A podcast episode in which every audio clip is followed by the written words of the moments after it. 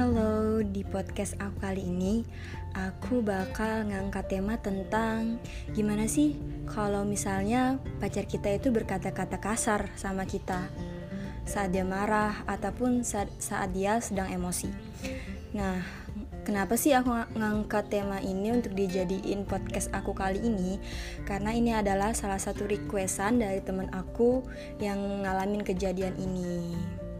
Jadi, um, saat rasa kesal itu tumbuh nggak jarang nih orang itu bisa nahan rasa itu jadi meluap-luap emosinya dan dia akan mengungkapkannya lewat kata-kata yang kasar. Nah, kalau emosinya itu diluapkan hanya di depan dirinya saja, eh, nggak uh, masalah sih. Itu kan nggak buat orang lain terluka atau sakit hati. Nah, gimana nih kalau emosinya itu malah dia luapkan ke kamu yang notabene-nya adalah kamu itu pacarnya. Memang sih emosinya itu uh, diluapkan ke kamu karena dia merasa kamu itu uh, berhak mendapatkan seluruh cacian maki di, cacian maki dia. Tapi memang seperti itu ya. Kamu itu pernah merasa sih bahwa uh, pacar kamu itu termasuk cowok atau cewek yang gak bisa meredam emosi. Nah, saat masalah itu muncul, dia, si pacar kamu ini, pernah ngebentak kamu lewat telepon, bahkan gak segan-segan mengirim kata-kata kasar lewat pesan teks. Kata umpatan, bahkan nama hewan sudah dia keluarkan saat emosi. Nah, pastinya yang membuat kamu masih bertahan sama si dia itu karena si dia itu melakukannya hanya melalui pesan singkat atau telepon. Dia nggak pernah mengatakan hal itu secara langsung. Kalau misalnya nih kalian sedang ketemu dan kebetulan kamu ngelakuin kesalahan yang ngebuat dia jadi emosi serta um, membuat dia kesal, pasti dia memaafkan kamu dan gak pernah sekalipun kasarkan sama kamu memang sih uh, dia memberikan raut ekspresi yang cemburut marah, tapi dia nggak meledak-ledak saat bertemu kamu.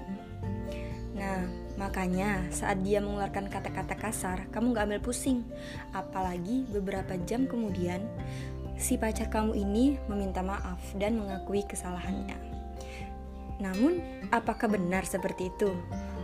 Sayangnya kebanyakan kebiasaan jelek susah untuk diubah Apalagi kamu membiarkannya terus-menerus.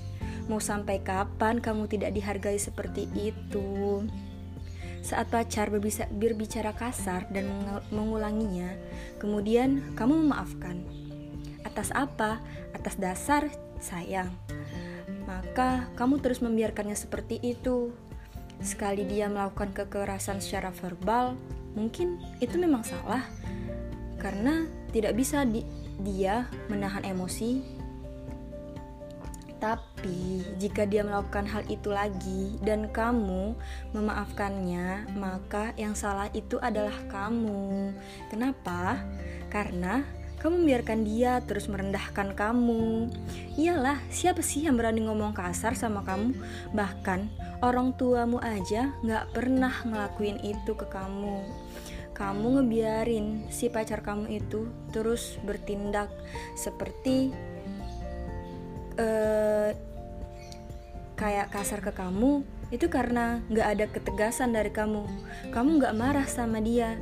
Jadi saat dia ngomong kasar kamu maafkan. Saat dia ulangi kamu mulai mengeluh agar dia tidak berbicara seperti itu lagi. Tapi saat dia berkata lagi kamu malah memaafkannya dan semudah itu kamu berpikir bahwa kamu memang pantas direndahkan. Sebesar apa pun kesalahan yang pernah kamu buat, bukan berarti kamu berhak untuk merendahkan kamu.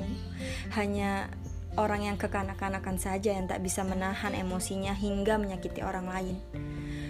Hanya orang kekanak-kanakan yang emosinya sangat labil seperti itu. Dan aku pikir cowok atau cewek yang seperti itu sangat malas dan akan punya pacar yang kekanak-kanakan juga. Karena apa?